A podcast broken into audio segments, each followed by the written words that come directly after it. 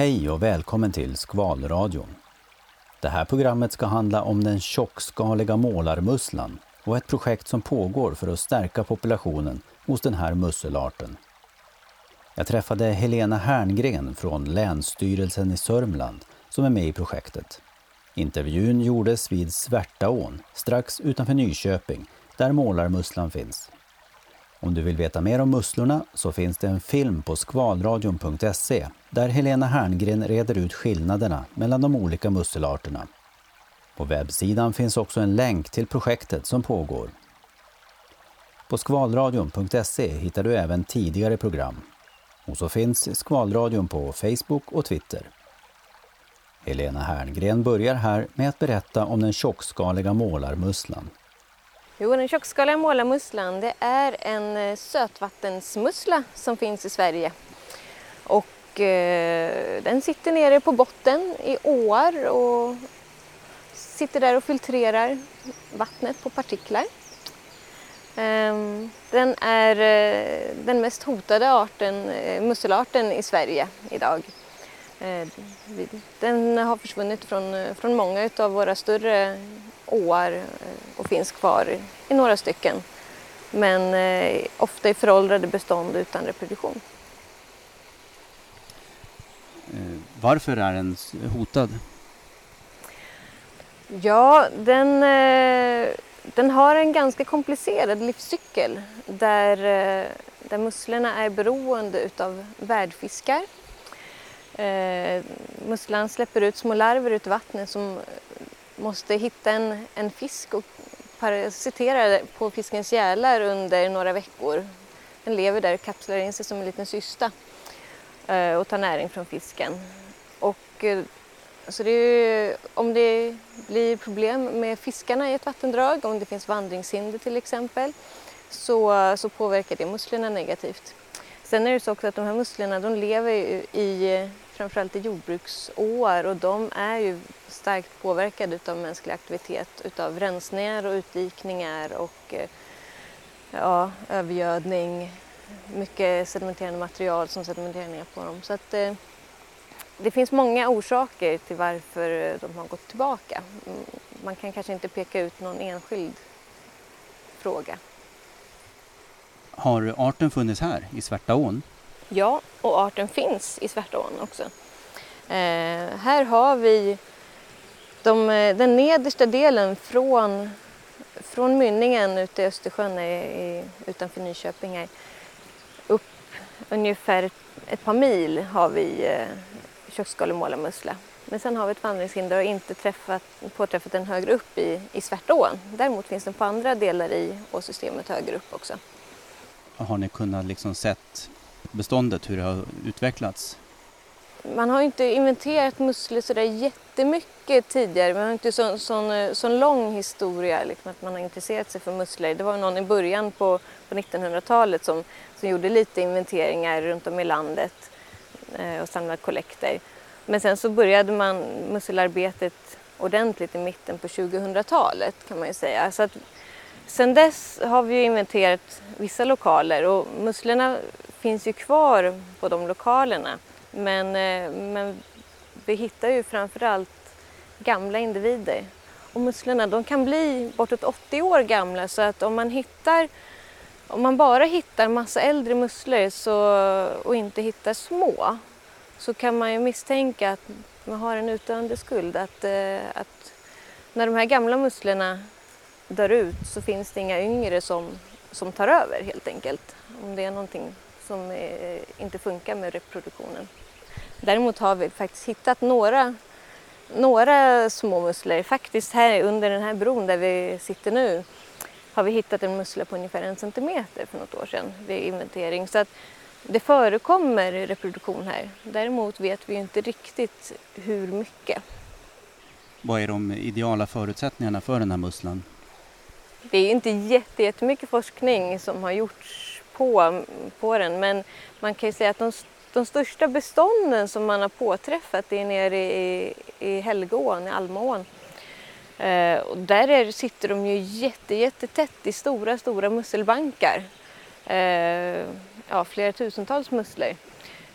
Och Och eh, då sitter de ju på ett par meters djup på sandig, sandig botten med ganska hög vattenhastighet. Men det är ju ändå lugnflytande med mycket vattentransport.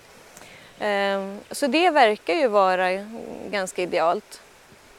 Och här i våra år så sitter, sitter musslorna ofta som ett ganska smalt stråk i mittfåran på åarna. Så att det verkar ju vara som där, där, det, där det strömmar som mest i våra vatten. Men, men samtidigt, det får inte vara för grunt att strömma utan det ska vara på kanske en och en halv meter, en och en halv, två, tre meters djup. Eh, hur är det med pH och så vidare för musslan? Vad, vad har den för krav? Ja, alla musslor som har kalkskal missgynnas ju av försurning såklart. Men eh, däremot så är det väl ingen som riktigt har kartlagt exakt toleransområdet, i alla fall inte i Sverige. Men, men eh, just den här tjockskaliga målarmusseln sitter ju ofta i, som sagt, lite längre ner i, i, i vattendragssystemen och i jordbruksåarna och där är i alla fall i våra år har vi ju inte så jättestort bekymmer med försurning. Det är jordbruksåar, det betyder att de får en del tillförsel av eh, näringsämnen. Är det bra eller dåligt för dem? Eftersom musslan är en filtrerande organism så, så klart att den vill ha material i vattnet som den kan filtrera ut. Däremot så är det ju inte gynnsamt när, när åarna växer igen och det blir syrebrist. Och så finns det då ett projekt, Målarmusslans återkomst eh, med underrubriken Till gagn för människa, djur och natur. Kan du beskriva det här projektet som Länsstyrelsen i Sörmland då är en av parterna i? Ja, det här det är ett eh, så kallat LIFE-projekt. Det är eh, ett EU-projekt där eh, vi är fem länsstyrelser och Karlstad universitet och sen så Havs och vattenmyndigheten är medfinansiär också. Men det är Skåne, Blekinge, Jönköping, Östergötland och så vi i Sörmland som är med i projektet. Och projektet går ut på att vi ska göra åtgärder i vattendragen för att gynna musslorna och dess värdfiskar. Vi brukar säga att eftersom den här musslan har ganska så komplexa eh, krav på sin livsmiljö med värdfisk och så, så att åtgärder som gynnar musslan och dess värdfisk gynnar oftast väldigt många andra organismer i vattendraget också. Så det är tanken att vi ska försöka få till åtminstone lite åtgärder som att musslan kan trivas bättre och kanske till och med återkomma till några av vattendrag där den inte längre finns kvar. Men här finns den då redan, men eh, ni gör ändå ett projekt för att säkerställa den och att få en föryngring på den här? Ja, precis. Eh, vi såg det som en möjlighet att uh, vara med i det här projektet just för att få möjlighet att kunna göra lite förbättringar i, i musslans livsmiljö. De här jordbruksåarna de är ju ofta det påverkade utav människan. Man har plockat, eh, plockat bort sten och man grävt, grävt och rensat helt enkelt för att få bättre fart på vattnet, kanske flotta timmer.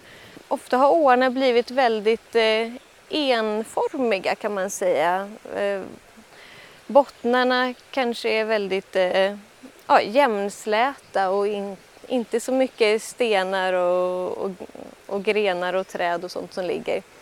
Och det är väl det som vi har försökt att, att få tillbaka lite grann av i alla fall på några lämpliga ställen.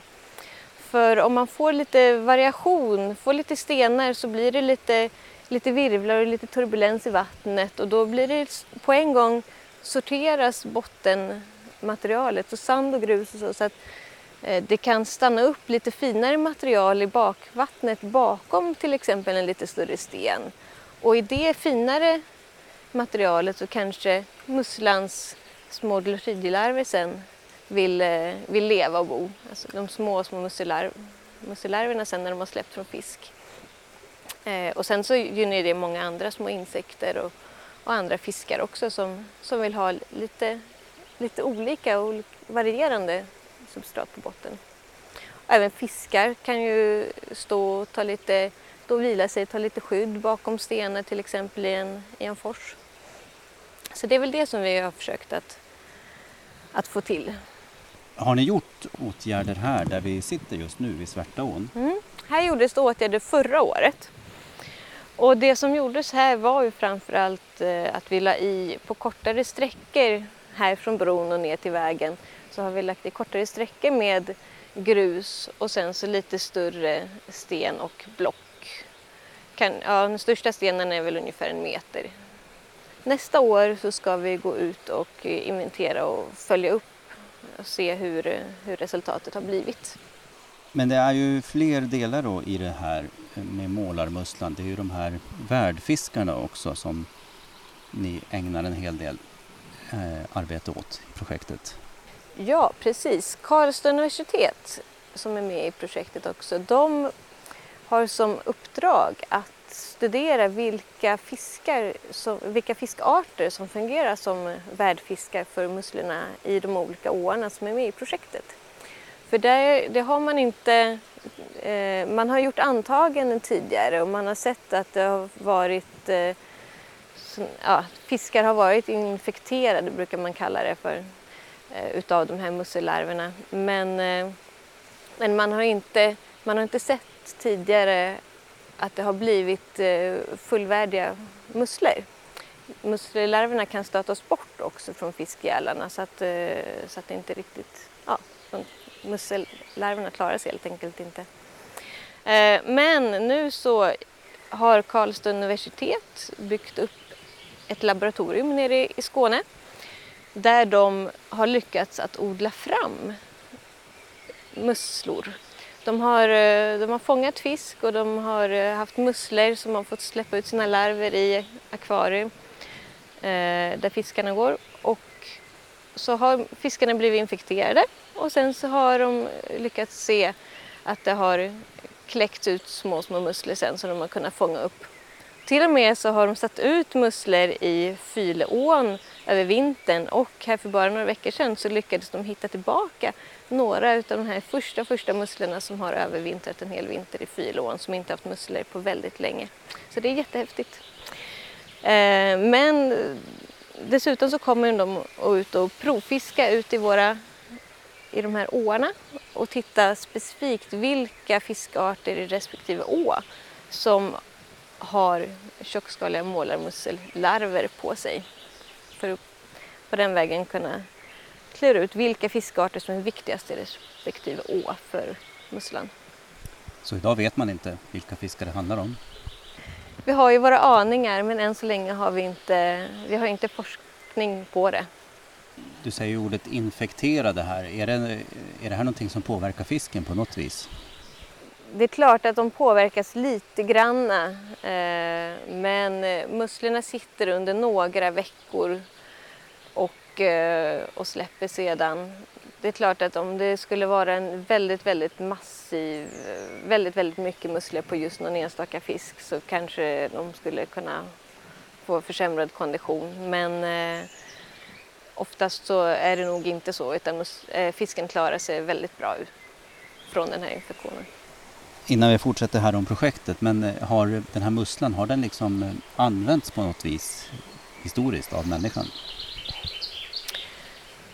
Ja, kanske inte just den här tjockskaliga målarmusslan men det, vi har ju andra sötvattensmusselarter som, eh, som finns i åar och även sjöar. Och där har vi ju en annan målarmusselart som heter äkta målarmussla. Den eh, heter på latin Unio pictorum, pictorum.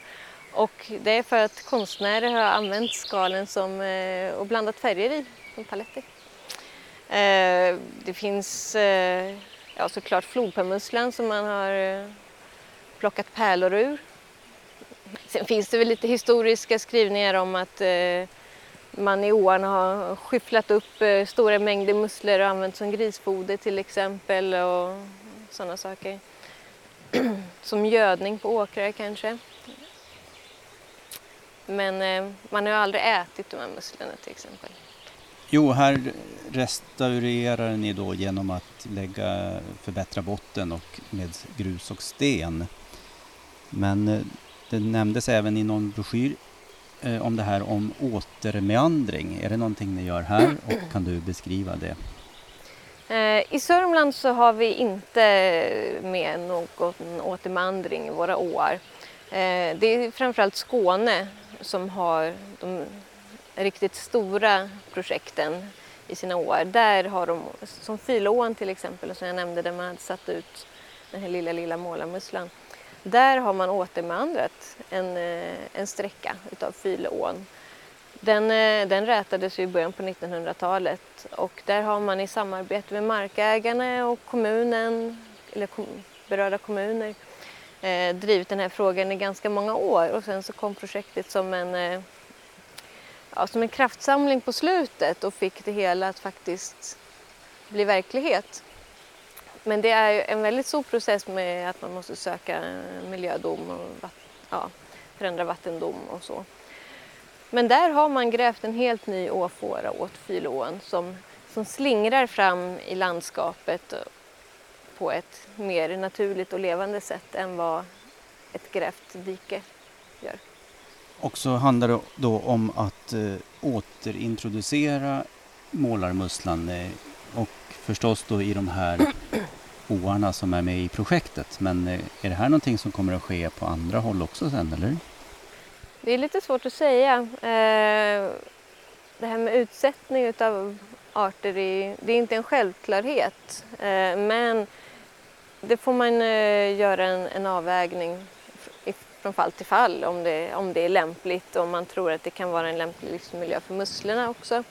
Men däremot i de här åarna i Skåne där musslan har förekommit. Man har, man har bestånd som, eh, utav musslor som, som finns ganska nära och som, eh, som kan passa för det vattendraget. Där har man gått vidare med att och ska, eller har satt ut musslor igen.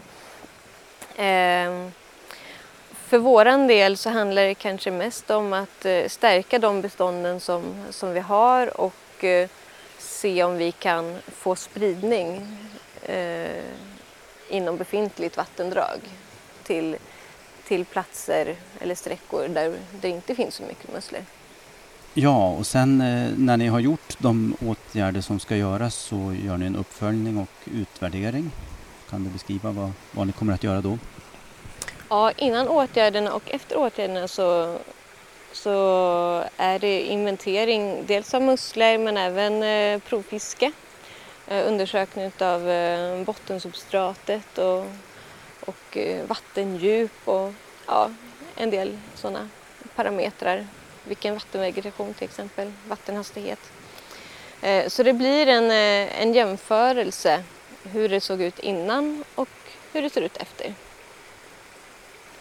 Eh, så kommer vi självklart också titta på hur ser själva åtgärden ut? Kan vi kan vi se att det har varit lyckat eller finns det eventuella justeringsbehov?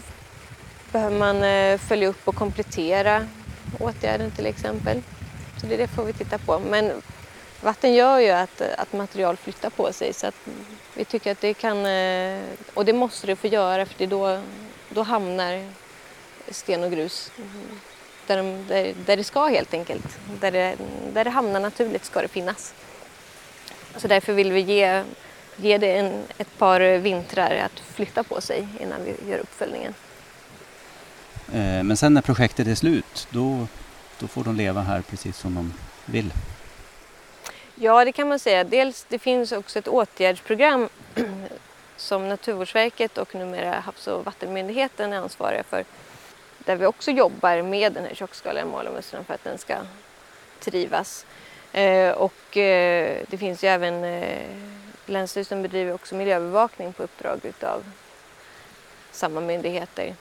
Eh, och där har vi också uppföljning av de här musslorna men däremot så kanske vi inte har, kommer ha samma möjligheter att arbeta li, lika intensivt med åtgärder för, för arten efteråt. Ja, du har ju nämnt det här men att det här projektet då, det gynnar ju inte bara den här tjockskaliga målarmusslan utan även andra vattenlevande djur. Ja men precis. De, här, de här åtgärderna som vi gör är ju till för att de ska gynna alla, alla insekter och, och fiskar som, som lever i vattnet och som trivs med lite variation. Eh, ju, fler, ju fler olika typer av miljöer det finns i ett vattendrag eh, desto, desto fler djurarter kan ha möjlighet att leva där. Och till exempel så om man har eh, träd som växer längs med vattendraget med rötter ner så blir det eh, gömslen, skydd för, för kanske både fiskyngel och, och insekter och kräftor. Har man träd som, eh, som beskuggar utöver vattendraget så får man eh, lägre vattentemperatur och, och skydd för, för fiskar. Många fiskar som, som ska leka till exempel vill inte göra det i direkt solljus utan de gör det inne i skuggan till exempel. Sen har vi ju en, en väldigt viktig del av det här projektet också är ju att sprida kunskap om musslorna och om vattendragen. Så vi, in, i projektet ingår att vi ska ta med skolklasser ut och lära dem mer om, om vattnet och om musslorna. Eh, så det är flera hundra barn som, som kommer att bli bussade ut till, till fina eh, vattendrag och få lära sig mer. Eh, vi har även tagit fram en, en eh, liten bok om musslan och livet i vattnet som finns på projektets hemsida också. Och den delar vi ut till alla, till alla skolbarnen. Och det är framförallt fy, årskurs 4 till 6 som är målgruppen för, för den här informationssatsningen. Vi kommer även ta fram lite annat informationsmaterial och skyltar och sätta upp och berätta om musslorna. Presentera projektet och musslor i olika, eh, olika sammanhang så att fler får upp ögonen för de här miljöerna. För de har varit ganska förbisedda under, under väldigt många år. Eh, Naturvårdssverige har man ju jobbat ganska mycket med, med skogar och ängs och betesmarker och, och, så under, under ganska många år. Men det är ju inte förrän de senaste kanske tio åren som, som man på allvar börjar fått upp ögonen för för vattenmiljöerna och de limniska miljöerna. Och av dem så är kanske de här vattendragen och som är, som är hemligast. Och det är ju ganska naturligt för det man inte, det man inte ser med blotta ögat, det man kanske måste ner djupt ner under vattenytan för att, för att se, det, det är ju lite mer svåråtkomligt för gemene man. Därför känns, tycker vi att det är extra viktigt att försöka lyfta de här miljöerna och visa lite grann vad som finns.